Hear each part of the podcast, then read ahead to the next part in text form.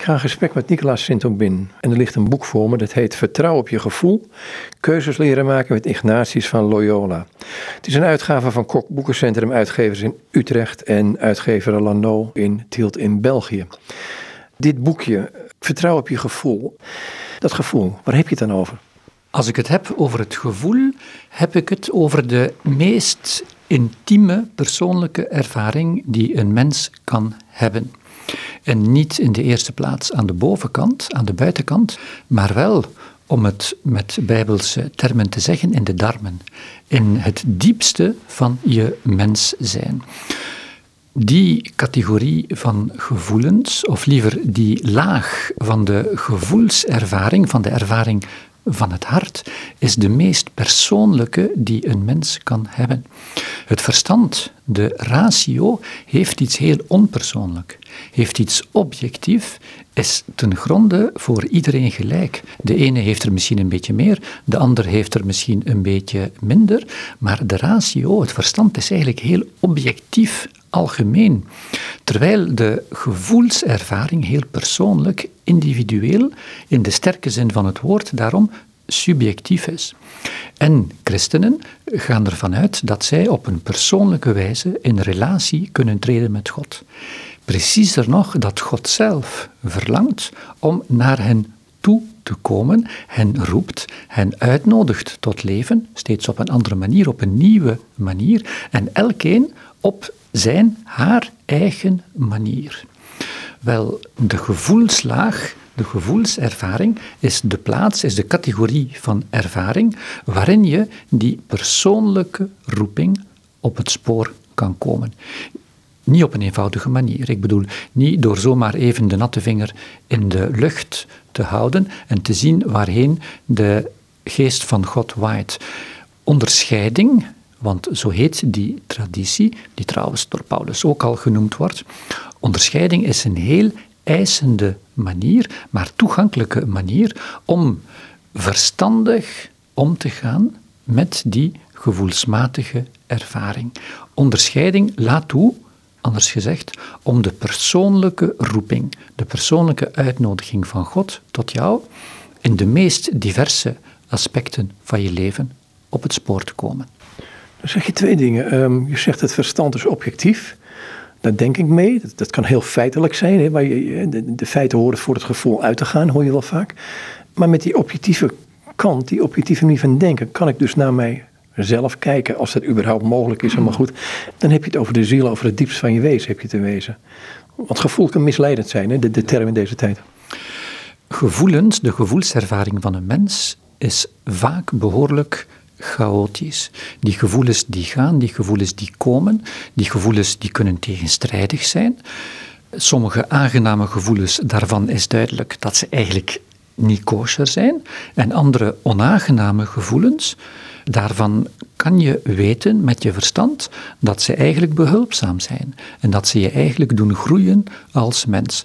Wel, de uitdaging is, en daar gaat de Ignatiaanse onderscheiding over, of de, gewoon de onderscheidingstraditie binnen de christenheid. De uitdaging is om in dat boek van de gevoelens, in de gevoelservaring, op een verstandige wijze te gaan lezen en van onderscheid te kunnen maken over welke gevoelens duwen mij eerder, nodigen mij eerder uit in de richting van God, of welke gevoelens in tegendeel zijn teken dat ik mij verwijder van God.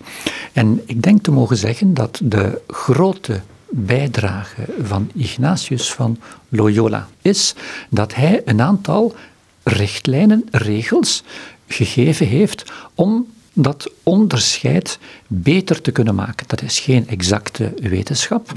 Dat is een spiritualiteit. Het is een leesbril, maar waarvan de praktijk aangegeven heeft, ervaring aangegeven heeft, dat die werkelijk kan werken en behulpzaam kan zijn om te gaan lezen in het hart. In dus die heel intieme ervaring van de mens die op zoek gaat naar God, om in die ervaring, die gebedservaring, in het bijzonder te gaan onderscheiden, wat is nu eigenlijk belangrijk in mijn leven? Waar komt het op aan?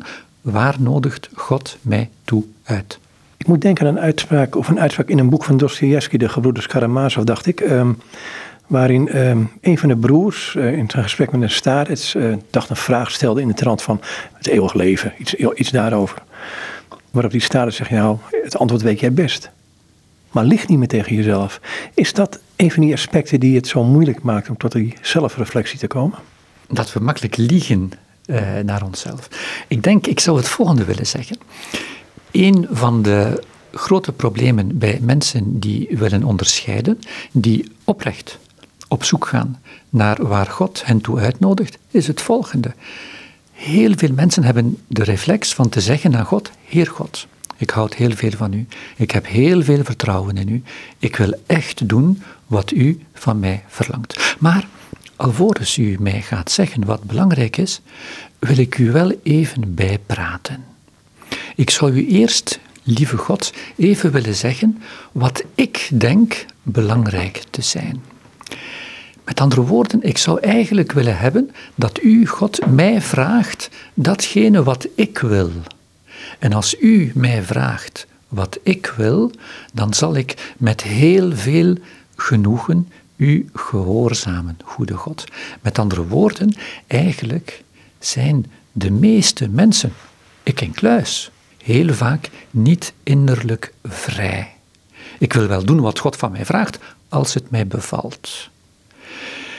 En een grote uitdaging en belangrijke voorwaarde alvorens echt te kunnen onderscheiden en alvorens ik echt met die gevoelens aan de slag kan gaan, is dat ik mij oefen in die innerlijke vrijheid. En dat ik bijvoorbeeld zicht krijg op allerlei zaken die mij eigenlijk beletten of hinderen in het echt gaan luisteren naar datgene waar God mij uitnodigt. Die innerlijke vrijheid, innerlijke beschikbaarheid is een basisvoorwaarde om te kunnen onderscheiden. Anders luister ik gewoon naar mijn eigen kleine verlangetjes, die helemaal niet noodzakelijk zijn. Die grote uitnodiging tot leven, die God tot mij richt.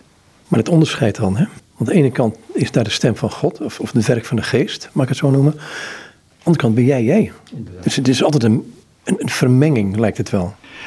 Inderdaad, en vandaar dat de persoon van Jezus zo belangrijk is. Onderscheiden voor de christen vraagt gebed, meer in het bijzonder, vraagt een verbondenheid met de levende Heer. Vraagt dat je de Bijbel, in het bijzonder de evangelies, tot jou gaat nemen en dat je hart, de zetel van het gevoel, dat je hart werkelijk geënt wordt op de persoon van Jezus. Van Jezus geloven we dat Hij de Heer is van het leven. Dat Hij de meester, de leermeester is van de liefde. In de mate dat ons hart, de kern van ons leven, van onze persoon, werkelijk gezuiverd wordt, permanent, door die verbondenheid met de levende Heer, met God zelf, in die mate zal de betrouwbaarheid en de zuiverheid van onze gevoelservaring ook toenemen. Wij vinden het normaal dat wij ons verstand op alle mogelijke wijze gaan trainen. Door dikke boeken te lezen, door te studeren, door gewoon ook de Bijbel te bestuderen bijvoorbeeld, maar ook alle mogelijke andere boeken en cursussen en noem maar op. Maar heel veel mensen verwaarlozen het om ook hun hart, dus hun diepere intimiteit, te gaan oefenen en te gaan trainen. Een kind voelt van alles aan, maar we weten ook dat kinderen soms bij hele vreemde zaken echt pret kunnen beleven. Door andere kinderen pijn te doen, om maar iets te noemen. Geldt trouwens niet enkel voor kinderen. Met andere woorden, die gevoelservaring datgene wat ik leuk vind, wat ik niet leuk vind, dient uitgezuiverd te worden in die verbondenheid met God. Niet eenmalig, niet enkel als ik kind ben, niet enkel als ik jongvolwassene ben, mijn leven lang.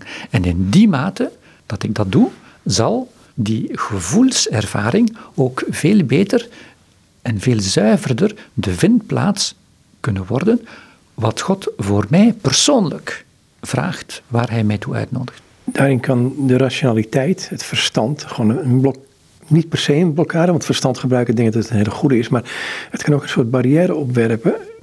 En die barrières die duiden er vaak op dat je ergens bang voor bent. Waarom zijn wij zo bang voor dit aspect van, ehm, noem het overgave? Ik denk inderdaad dat wij daar bang voor zijn. Dat althans een bepaald aspect van onze persoonlijkheid of van ons zijn als mensen daarvoor bang kan zijn. En de reden is, denk ik, heel eenvoudig. Je overgeven aan God, je overgeven aan de roeping van God naar jou toe, betekent dat je in zekere zin je autonomie uit handen geeft. Dat je je leven in handen legt van God. En als je werkelijk bereid bent om je leven in handen te leggen van God, betekent dat dat je een deel van je vrijheid afstaat. Of liever van je zelfbeschikking, omdat je gelooft dat datgene wat God of waar God jou toe uitnodigt, werkelijk jouw diepste vrijheid is. Maar dat betekent hoe dan ook dat je uit handen geeft.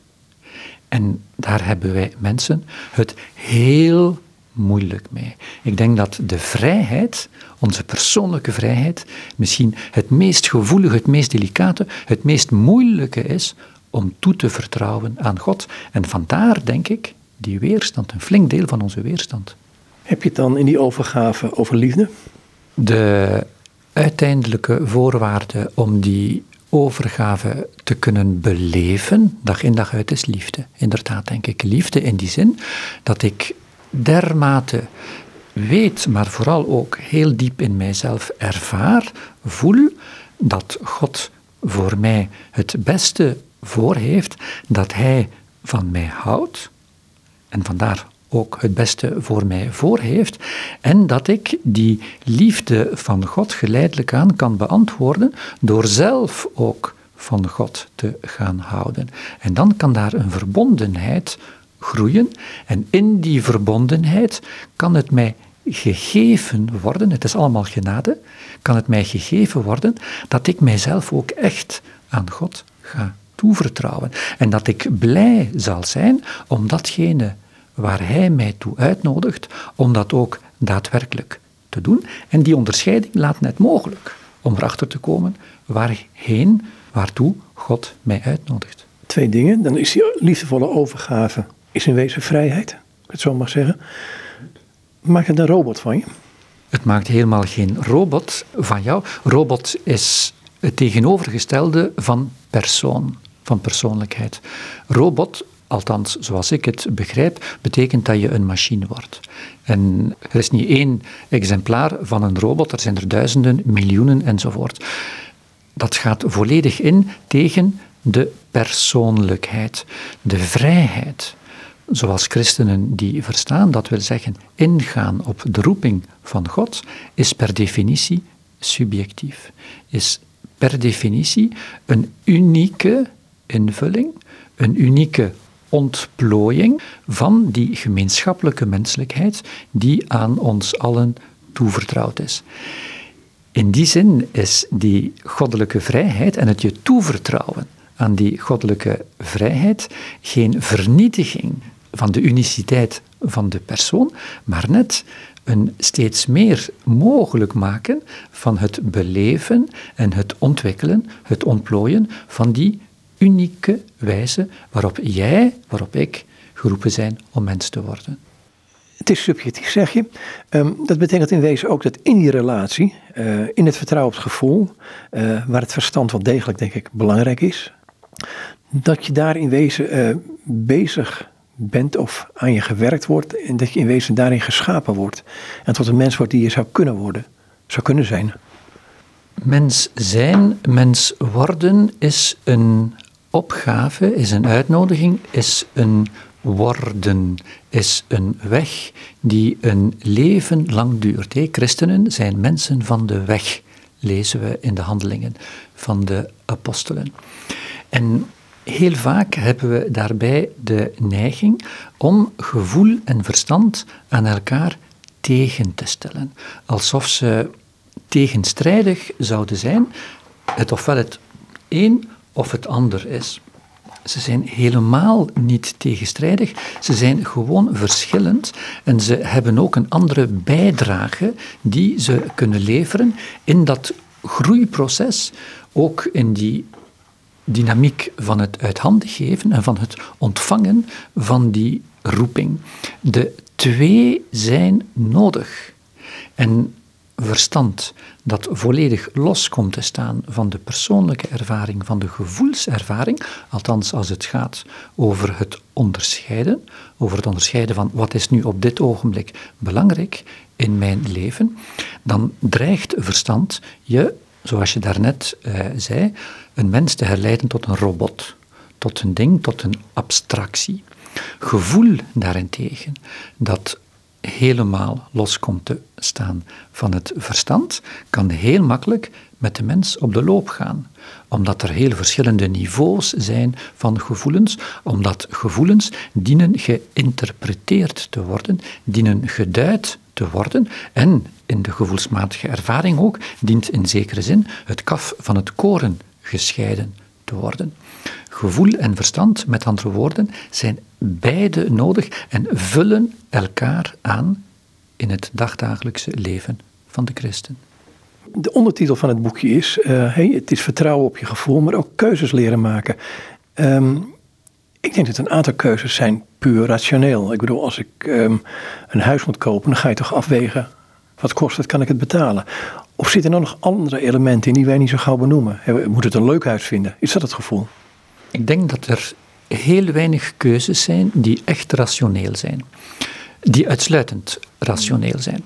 Als je het hebt over keuze, betekent dat dat er alternatieven zijn. Anders gaat het niet over keuze. En als het gaat over keuze, betekent het dat er gelijkwaardige alternatieven zijn. Als je moet kiezen tussen iets of niets, dat is geen keuze. Dan is het gewoon, dan is er maar één mogelijkheid, het is dat, punt aan de lijn. Als we spreken over keuze, heb je dus meerdere wegen waarop je kunt gaan en gelijkwaardige wegen die dus allebei voordelen en nadelen zullen hebben.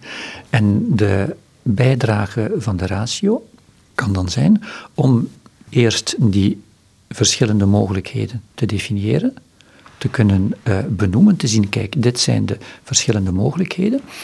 Een volgende stap kan zijn om inderdaad de voordelen, de nadelen daarvan te gaan inventoriëren. Dat is ook in belangrijke mate een rationeel gebeuren. Wat betekent dit alternatief? Wat betekent dat andere alternatief? Maar ik zei het reeds, het gaat over principieel gelijkwaardige alternatieven. Anders gaat het niet over een keuze. En dan sta je daar. Je hebt je dossier goed voorbereid. Je weet wat de mogelijkheden zijn van het ene, wat de mogelijkheden en de beperkingen zijn van het andere. En dan komt het gevoel naar voren. Want dan kan je met dat, die diepere ervaring van jezelf gaan onderscheiden. Oké, dit is mogelijkheid A, dit is mogelijkheid B. Dit is de ene studie die ik zou kunnen aanvatten. Dit is de andere studie die ik zou kunnen aanvatten. Ik weet dat ik ze allebei intellectueel aan kan, dat ze mij eigenlijk allebei interesseren. Ik weet wat ze inhouden. Wel, dan kan ik nu, als het even kan, vanuit een biddende ingesteldheid, proberen te zien naar welke van de twee neigt mijn hart Waar voel ik nu bij mijzelf, in het diepste van mijzelf, eerder een warmte, eerder een vertrouwen?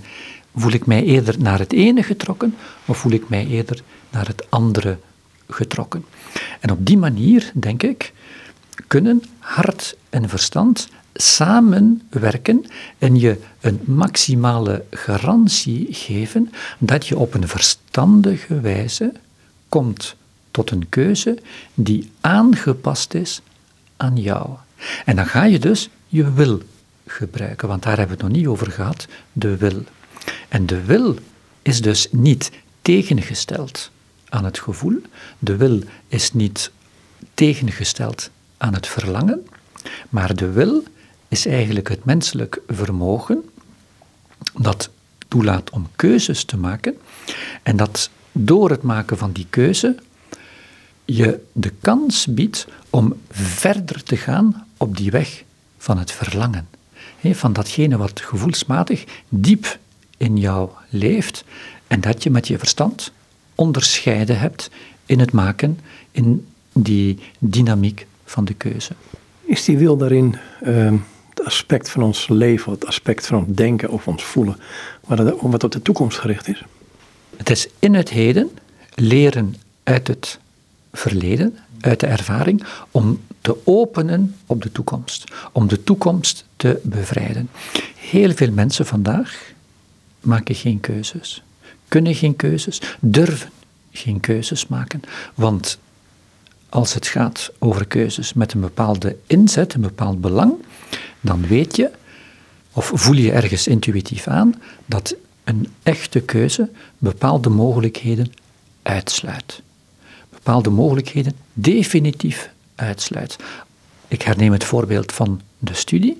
Als ik ervoor kies, bijvoorbeeld ik zelf heb in mijn vorig leven heb ik recht gestudeerd en ik heb er ook aan gedacht om geneeskunde te studeren. Maar als ik recht studeer, dan zal ik geen carrière maken in de medische wereld. Definitief. En sluit ik die mogelijkheid uit. En dat kan heel beangstigend zijn. Het kan heel pijnlijk zijn om bij die tweesprong te beslissen, ik ga naar rechts. En dus zal ik niet kunnen doen datgene wat aan de linkerkant ligt. En vandaag heb je dus heel veel mensen die ter plaatse blijven trappelen op allerlei niveaus van hun leven. Ze willen alle mogelijkheden openlaten en daardoor dreigen ze uiteindelijk met niets uit te komen. Er zit ook het aspect in, wat, wat bij mij opkomt in dit moment, is het aspect van nu. Het moet allemaal nu gebeuren. Terwijl een eik, uh, ja, je kunt een eikel in de grond stoppen, maar dat duurt even voordat er een grote eik staat. Wij leven in het digitale tijdperk. Het is iets wat eigen is aan de mens. We willen alles meteen nu onmiddellijk. Maar in het bijzonder in het digitale tijdperk zijn wij meer en meer, worden wij er meer en meer aan gewoon dat we gewoon op de enter-toets drukken en het antwoord komt onmiddellijk. Terwijl de mens, ja, eigen aan het mens zijn en het verschil tussen mens en God, is dat wij beperkt zijn. Wij kunnen niet alles, hebben niet alles. Wij staan in de tijd. En alles wat wij doen is onderworpen aan de wet van de traagheid. Er is tijd nodig. Ook om te onderscheiden is tijd nodig. En zeker als het gaat over belangrijke beslissingen, kan het goed zijn om jezelf tussen aanhalingstekens te dwingen tot voldoende tijd om de onderscheiding te laten indalen. In je lichaam bijna, zou ik zeggen, om te zien wat doet het ene met jou, wat doet het andere met jou en wat zegt dat bijvoorbeeld over die twee mogelijkheden waartussen ik kan kiezen. We willen het meteen. Wij zijn de consumptiereflex, de onmiddellijke bevrediging van de behoefte, van het verlangen, wordt meer en meer een evidentie. Maar gelukkig maar, zou ik zeggen, zijn wij als mensen meer dan enkel maar die consumptiedieren. En wij staan inderdaad in die tijd, verleden, heden, toekomst. En daardoor kunnen wij ons ook openen ja, op de werkelijkheid van het leven, ook op God zou ik zeggen. Ja, hoe doe je dit? Want dit lijkt dwars op, op deze tijd te staan. Je noemt het al, het digitale tijdperk, maar ook het feit vandaag besteld, morgen in huis. Ik bedoel, ehm, en dan kom jij met, ik kan wel een voorzet geven voor het antwoord. Je moet er stilte in, je moet meer tijd voor jezelf nemen. Uh, durf een keer op een bank te zitten, voor je uit te gaan zitten kijken. Ik kan een heleboel dingen noemen die eigenlijk die mensen wel willen, maar niet, nou niet eens niet, niet durven, maar er geen tijd voor lijken te hebben. Ik uh, houd nu zeker geen pleidooi tegen de digitale wereld. Ik ben zelf internetpastor. Nee, en dit, dit wordt ook via het internet uitgezonden. Dus het is, daar moeten we een beslissing over hebben. Maar goed. Nee, maar heel snel kom je in die logica. Het gaat er niet over goed of slecht. Het gaat niet over wit of zwart. Wat wij graag zouden hebben, want dan is het helder, dan is het duidelijk. Zeg mij, mag ik het doen of mag ik het niet doen? Nee. Uiteindelijk gaat dit over een spanningsveld. Wij willen het, we zouden het graag onmiddellijk hebben, en tegelijkertijd weten we, er is tijd nodig. En er is veel tijd nodig. Ja, maar ik heb niet zoveel tijd.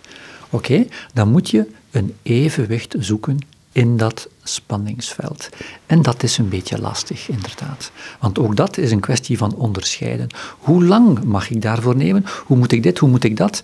En durven in dat spanningsveld van die tegenstrijdige dynamieken te gaan staan. De onmiddellijkheid bijvoorbeeld van de digitale wereld, met al de mogelijkheden die dat biedt.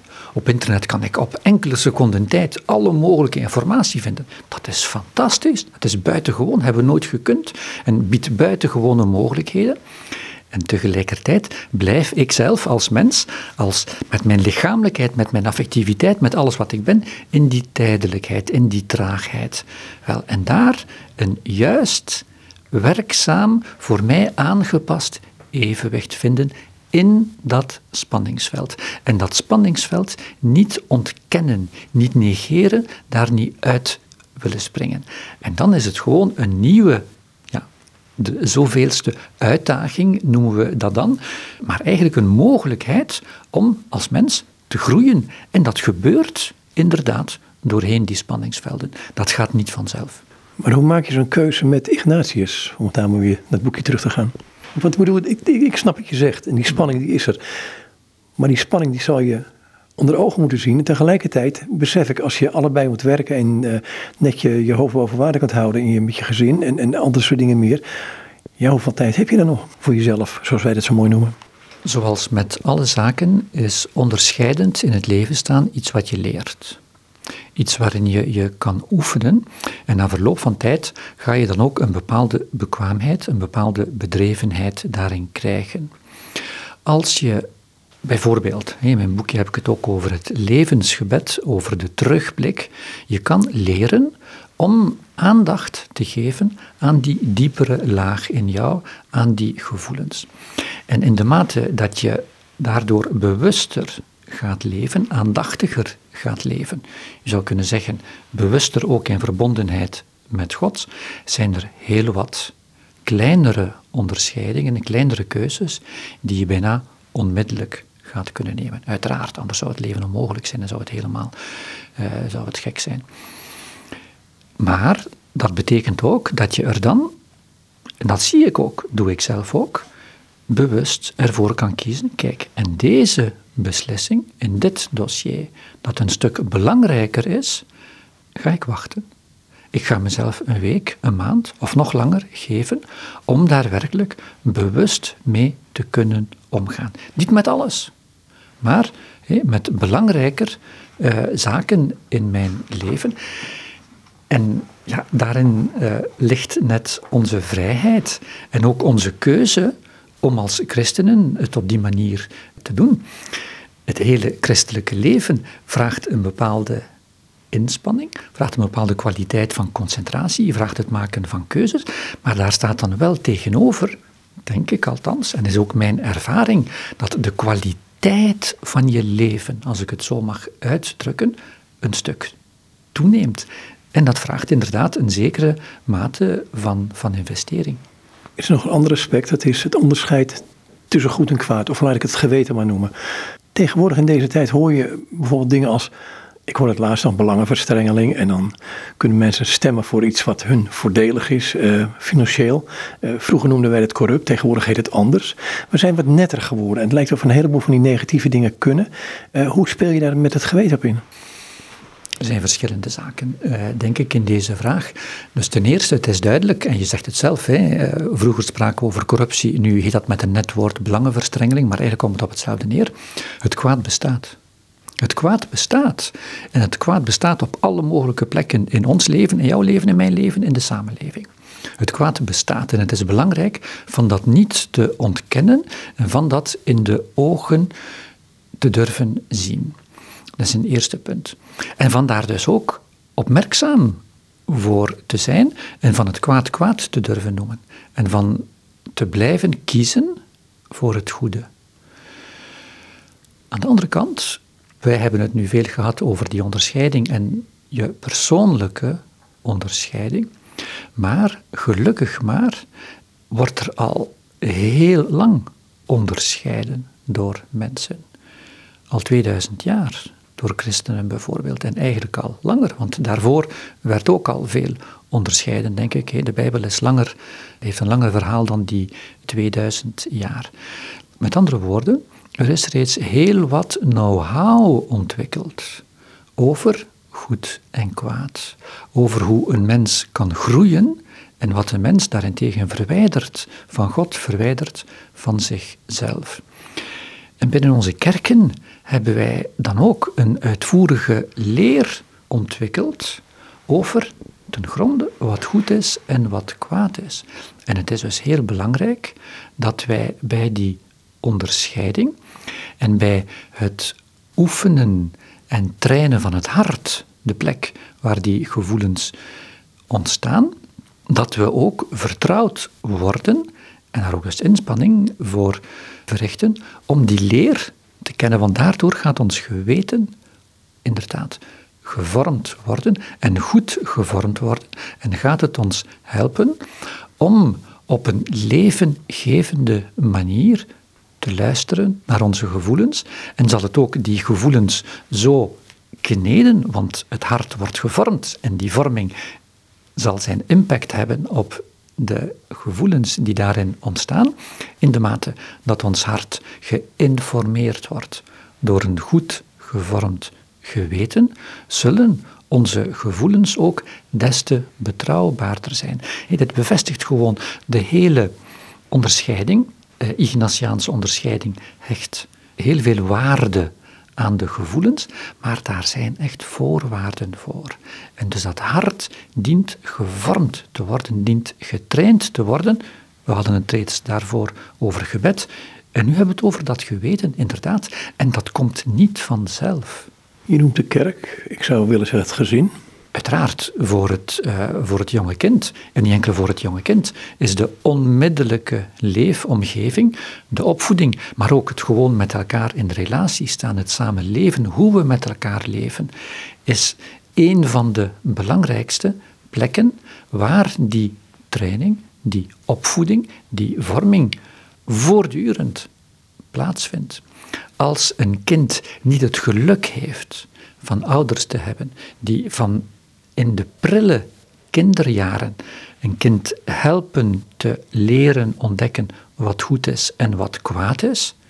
Als een kind dat voorrecht niet heeft, is het werkelijk heel sterk gehandicapt voor de rest van zijn leven. Want dan kan het letterlijk misvormd worden en soms op een bijna onomkeerbare manier.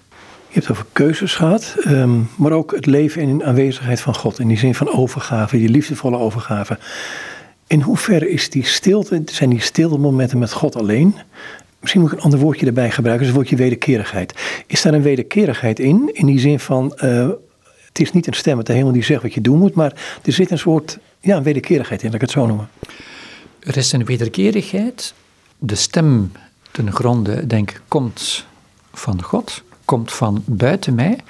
En de bijdrage, of een belangrijke bijdrage, die ik als mens, als ontvanger kan leveren, is om te waken, en dan gebruik ik toch een woord dat je net gebruikte, te waken op stilte. Als er niet een bepaalde vorm van stilte, van openheid is, dan kan ik ook niet in de letterlijke zin van het woord gehoorzaam zijn of worden. Dan kan ik die stem niet horen.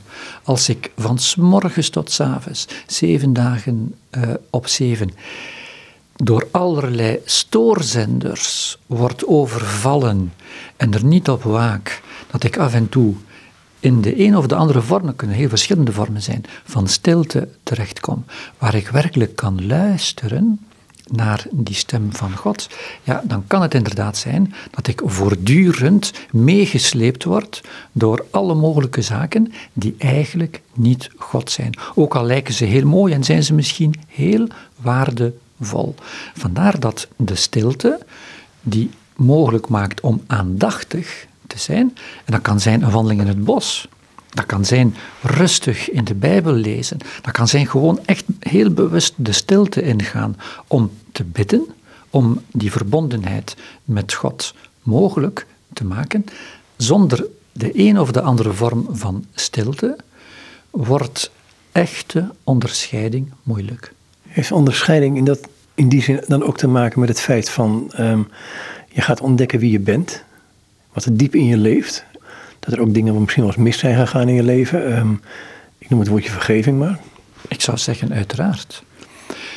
Het hele christelijk geloof is zonder meer een weg om elke mens toe te laten zijn unieke persoonlijkheid te ontplooien.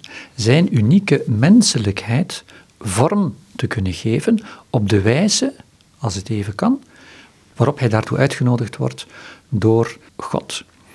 Dus die stilte, die onderscheiding, maakt mogelijk dat wij steeds mooiere mensen worden. Dat wij gelukkiger mensen worden, omdat wij die aanwezigheid van God in ons, in ons diepste zelf, zoals eh, Augustinus zegt, God die mij dichter nabij is dan ik mezelf nabij ben, om in contact te kunnen komen met God die in mijn diepste zelf aanwezig is en om Gods aanwezigheid als het ware te kunnen bevrijden in mij, waardoor mijn mensheid kan ten volle openkomen. Het onderscheid, als ik Paulus goed begrijp, heeft te maken met onderscheid des geestes. Is het dan zo dat, dat in dat, wat je nu net zegt, ehm, dat er een verlangen bij God is, van de Heilige Geest is, om ons dichter naar God te brengen, dichter naar Jezus te brengen. En dat dat verlangen soms niet zo herkenbaar in onszelf is. Dit raakt, wat mij betreft, aan de kern van het christendom. God verlangt naar ons. De hele schepping is een uitdrukking van dat verlangen van God om zichzelf uit te delen, om zijn bestaan te delen met andere mensen. En daardoor worden wij tot leven geroepen, worden wij geschapen, niet eenmalig, maar permanent. En hij wil dat leven met ons delen.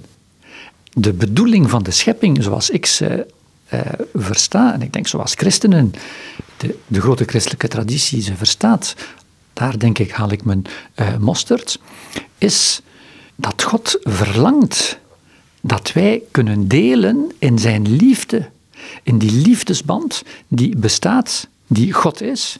Vandaar dat God drie-één is, de liefde tussen Vader, Zoon en Geest. En wij mogen daarin delen. En het diepste verlangen in de mens, dat God in de mens plaatst, het komt van buiten ons, het is een uitnodiging, is dat elkeen op zijn, haar unieke wijze, door in te gaan op dat verlangen, op die dynamiek, die gedrevenheid, die passie die God in elk van ons legt, dat wij allen kunnen deel hebben aan die volheid van leven, met de beperkingen die de onze zijn, met het onvermogen dat het onze is, elk op zijn unieke, haar unieke wijze, maar dat wij toch ergens deel kunnen hebben aan dat leven met een grote L.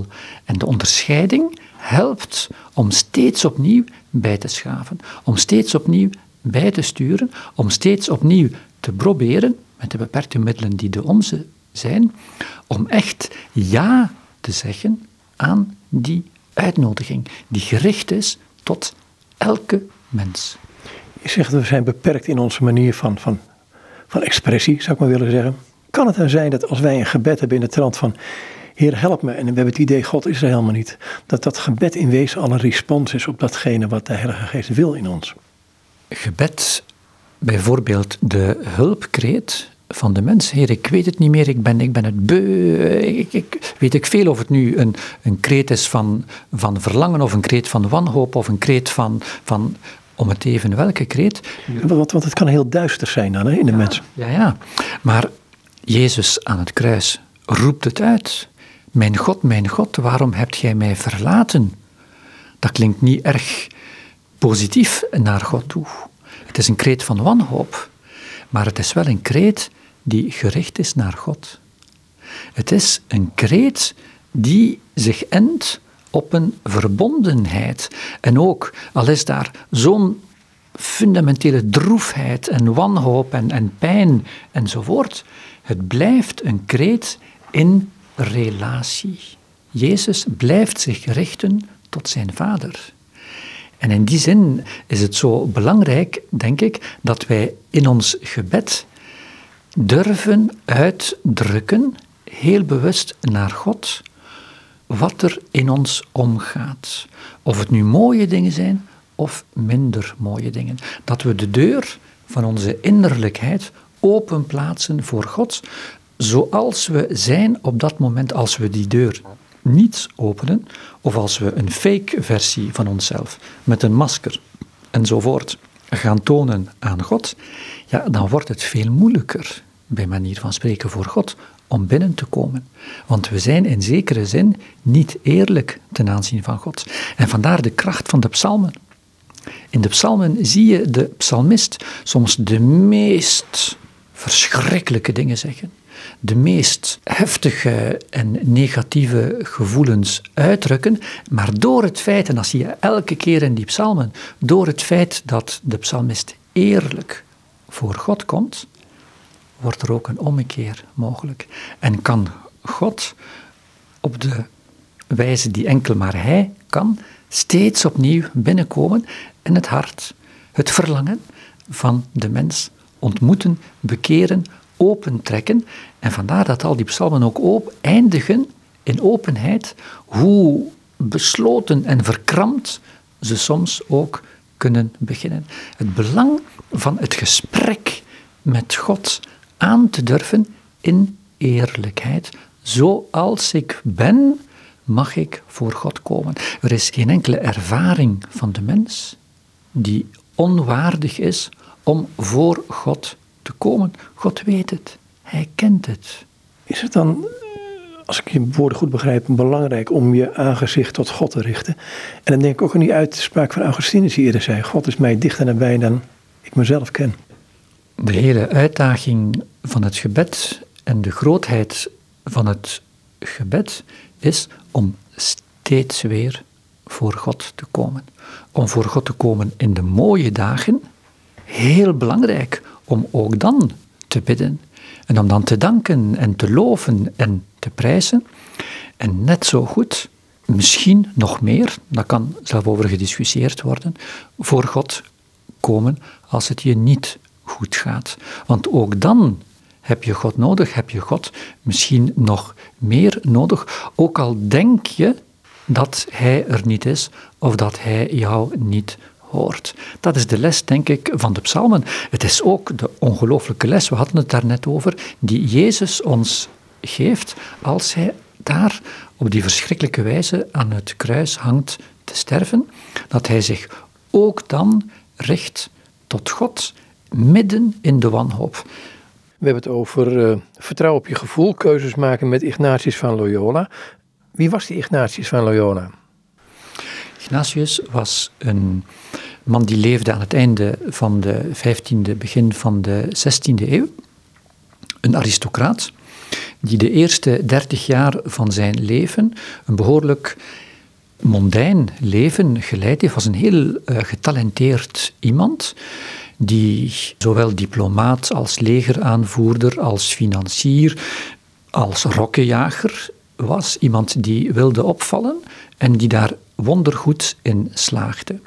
En als hij dertig was, werd hij heel zwaar levensgevaarlijk gewond. En dat is het begin geworden van een levenslange zoektocht naar God. Zijn leven was volledig aan puin, lag volledig in het puin op 30-jarige leeftijd. En zijn grote vraag was: wat moet ik, wat kan ik in Gods hemelsnaam nog met mijn leven doen? En je zou kunnen zeggen dat de hele Ignatiaanse spiritualiteit een antwoord is op die vraag. Hoe kan ik erachter komen waar God mij toe uitnodigt? Het bijzondere is dat Ignatius het antwoord op die vraag niet zomaar ineens met een vingerknip gekregen heeft. Hij heeft op dat ziekbed heeft hij leren bidden met de Bijbel.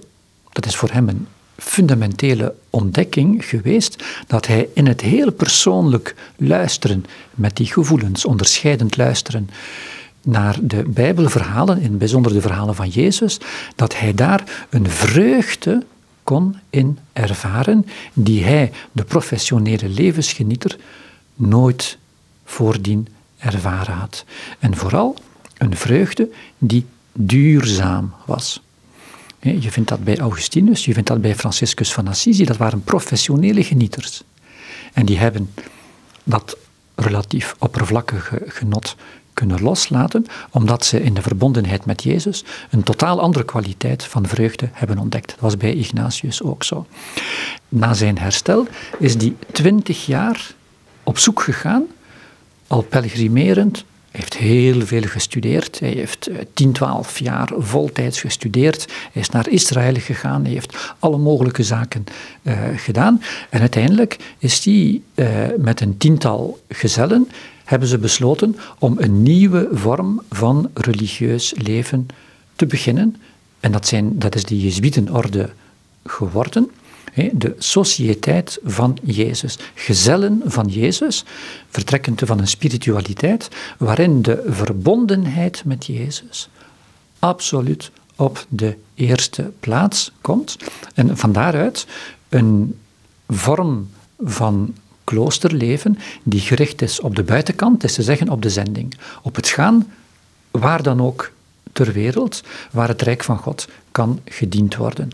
Samengevat, Ignatius, die aan de oorsprong ligt van die onderscheiding van de geesten, een man die een indrukwekkend gebedsleven had, die elke morgen begon met twee uur stil gebed, althans na zijn bekering, voordien deed hij echt wel iets anders, maar die ook expert was in het zogenaamde levensgebed.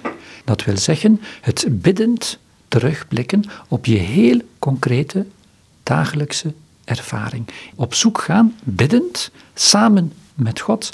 Waar heb ik vreugde ervaren?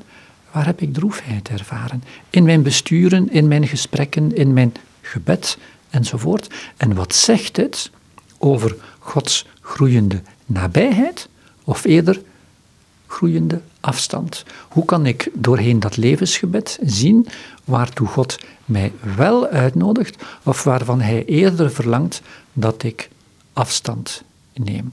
Dus een man die een, buitengewoon, een buitengewone expertise ontwikkeld had om te lezen eigenlijk in dat boek van zijn gevoelservaring vanuit die buitengewone passie die hij de rest van zijn leven gehad heeft voor de persoon van Jezus. Goed, de meeste van ons um, zijn gewoon in ons dagdagelijks leven. Zitten we in crisissituaties, moeten we keuzes maken. Um, ik word benadeeld door de Belastingdienst, noem maar eentje. Uh, zo zijn er meer dingen te bedenken. Ja, daar zit ik dan. Hè.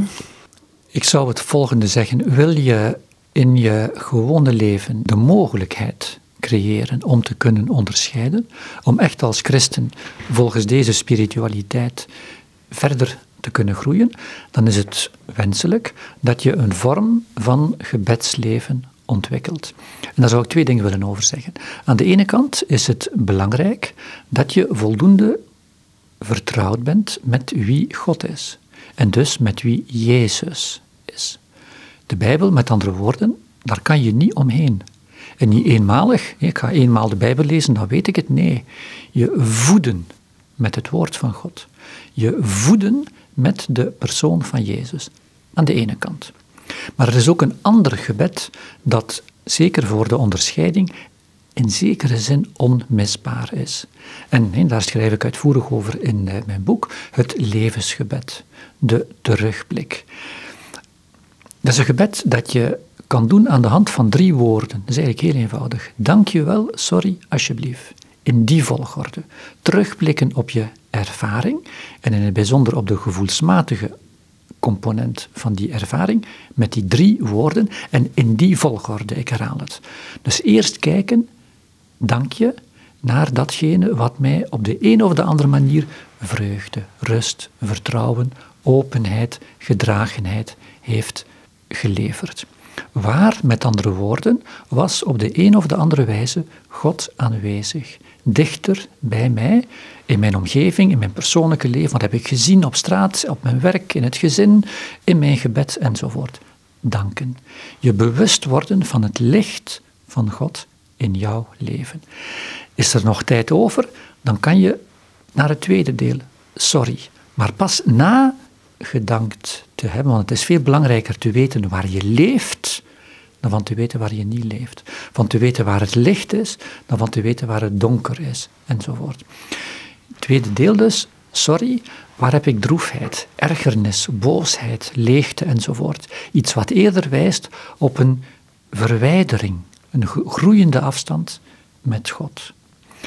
Is er nog tijd over, dan kan ik kijken naar morgen, alsjeblieft. Wat leer ik uit dat dankje en uit sorry. Wat bied ik aan als God, als een werkpunt? Heer, ik ga aandacht geven aan die relatie met mijn kind. Ik ga aandacht geven aan mijn wijze van omgaan met eten. Ik ga wijze, aandacht geven aan de kwaliteit van mijn gebed. Weet ik veel. Eén werkpuntje, twee werkpuntjes. Alsjeblieft kan ook betekenen dat ik een bijzondere genade vraag aan God. Heer, help mij voor dit, help mij voor dat. Levensgebed, dat je bijvoorbeeld kan doen aan het einde van de dag. Vijf minuutjes, twee minuutjes. Terugblikken, biddend terugblikken op je ervaring. Niemand kan zeggen dat hij daar geen tijd voor heeft. Twee minuten, vijf minuten, je kan het ook een half uur doen. En als je dat regelmatig doet, als het even kan, elke dag, dan gaan je innerlijke voelsprieten, je innerlijke antennes veel fijner worden en ga je die kleine rimpelingetjes op het water van je dagdagelijkse leven gaan kunnen achterhalen. En ga je niet meer blind staren op die hoge pieken of diep dalen, die misschien heel veel aandacht krijgen, maar die in zekere zin weinig belangrijk zijn, omdat ze zich bijna nooit voordoen en je er hoe dan ook geen pak op hebt. Terwijl die kleine rimpelingetjes, die komen 50, 500 keer voor op een dag. Maar 500 keer een klein beetje omhoog of 500 keer een klein beetje omlaag, dat begint te tellen. Als ik dus regelmatig dat levensgebed doe, dan kan ik patronen gaan ontdekken. Heel eenvoudig. Patronen in mijn wijze van in het leven staan. In mijn ontvankelijkheid voor Gods geest of mijn weigering ten aanzien van Gods geest. En zo kan het levensgebed mij helpen onderscheiden en mij helpen om keuzes te maken, niet op Mars, maar in de heel concrete werkelijkheid van mijn banale, tussen aanhalingstekens, gewone dag dagelijkse leven. Onderscheiden kan worden een wijze van in het leven staan, waardoor ik dag in dag uit meer kan ingaan op die uitnodiging van geluk waartoe ik geschapen ben. Betekent dan dat, dat je dan dat het leidt tot een soort rusten in God, een soort verwijlen in God? Inderdaad. En ik denk dat we daarvoor ook gemaakt zijn. Ik zal wachten op God en eens zal ik Hem danken. Wel, in die onderscheiden, onderscheidend in het leven staan, nodigt uit tot een groeiende overgave in God.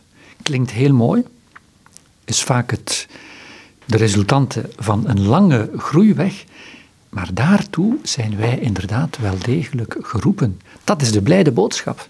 Is dan God degene die zingeving aan ons leven geeft? Want we hebben vaak de neiging, zeker als je in uh, het, dit schrijft of, of uh, het werk wat je doet, om het daarin te vinden. Terwijl het misschien wel aan, aan onze handen ontglipt.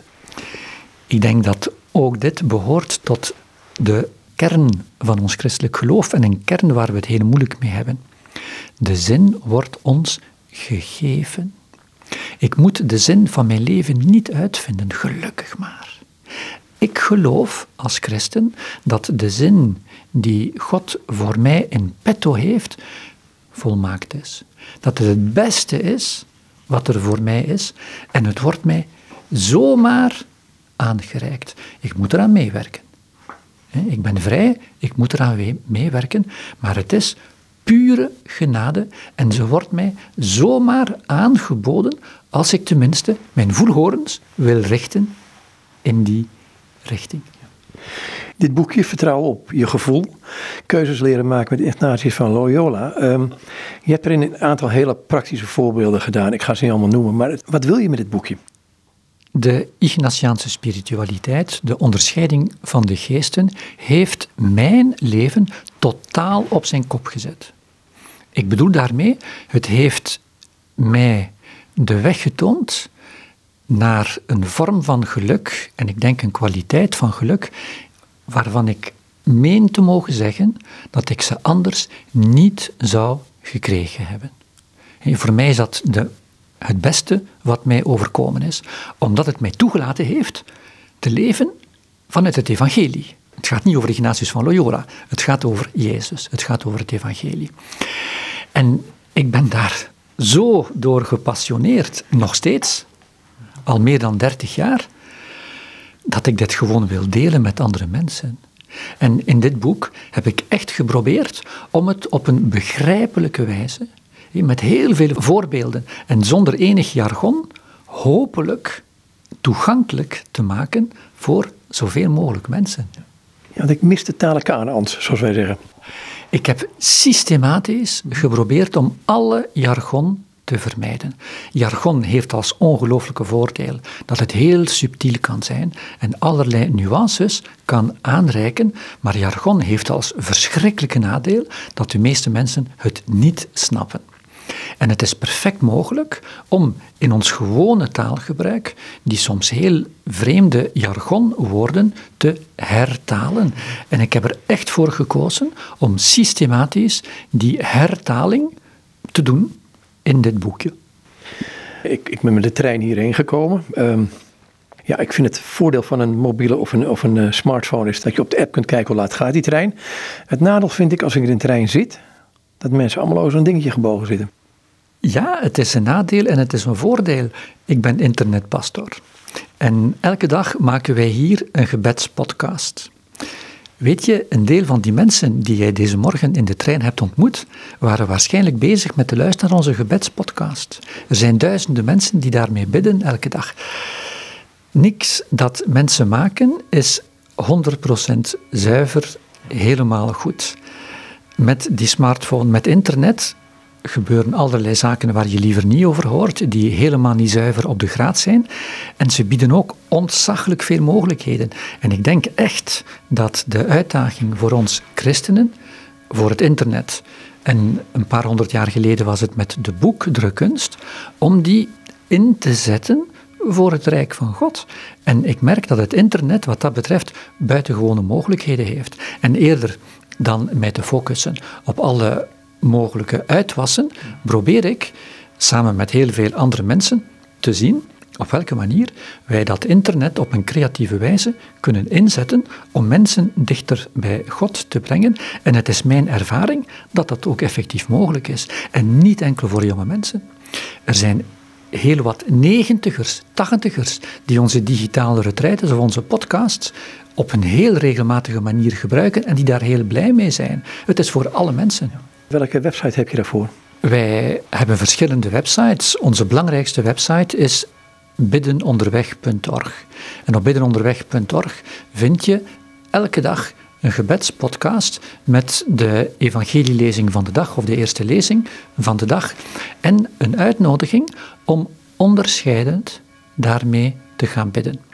Maar we hebben ook websites als bijvoorbeeld gewijderuimte.org.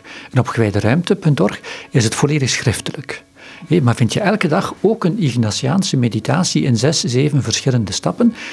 Trouwens ook in 22 talen, waaronder uiteraard het eh, Nederlands, waarvoor wij zorgen, om op die manier te bidden. Maar je hebt ook eh, bijvoorbeeld een website als verderkijken.org, waar je soms knotsgekke YouTubes vindt om aan de hand van heel eigentijdse producties mensen, jongeren, maar ook volwassenen, uit te nodigen om op een bijna speelse manier bij die innerlijkheid te komen en daar, als het even kan, ook tot verdieping en tot uh, gebed te komen. Ik wou het hierbij laten, dankjewel. Heel graag gedaan en dank voor het interview. En dit zei Nicolas Sintobin. Met hem was ik in gesprek aan de hand van het boek Vertrouw op je gevoel, keuzes leren maken met Ignatius van Loyola. Het boek was uitgegeven bij Kok Boekencentrum Uitgevers in Utrecht in samenwerking met uitgeverij Lano in Tielt in België. Goed, nogmaals, dat is over dit gesprek met Nicolas Sintobin.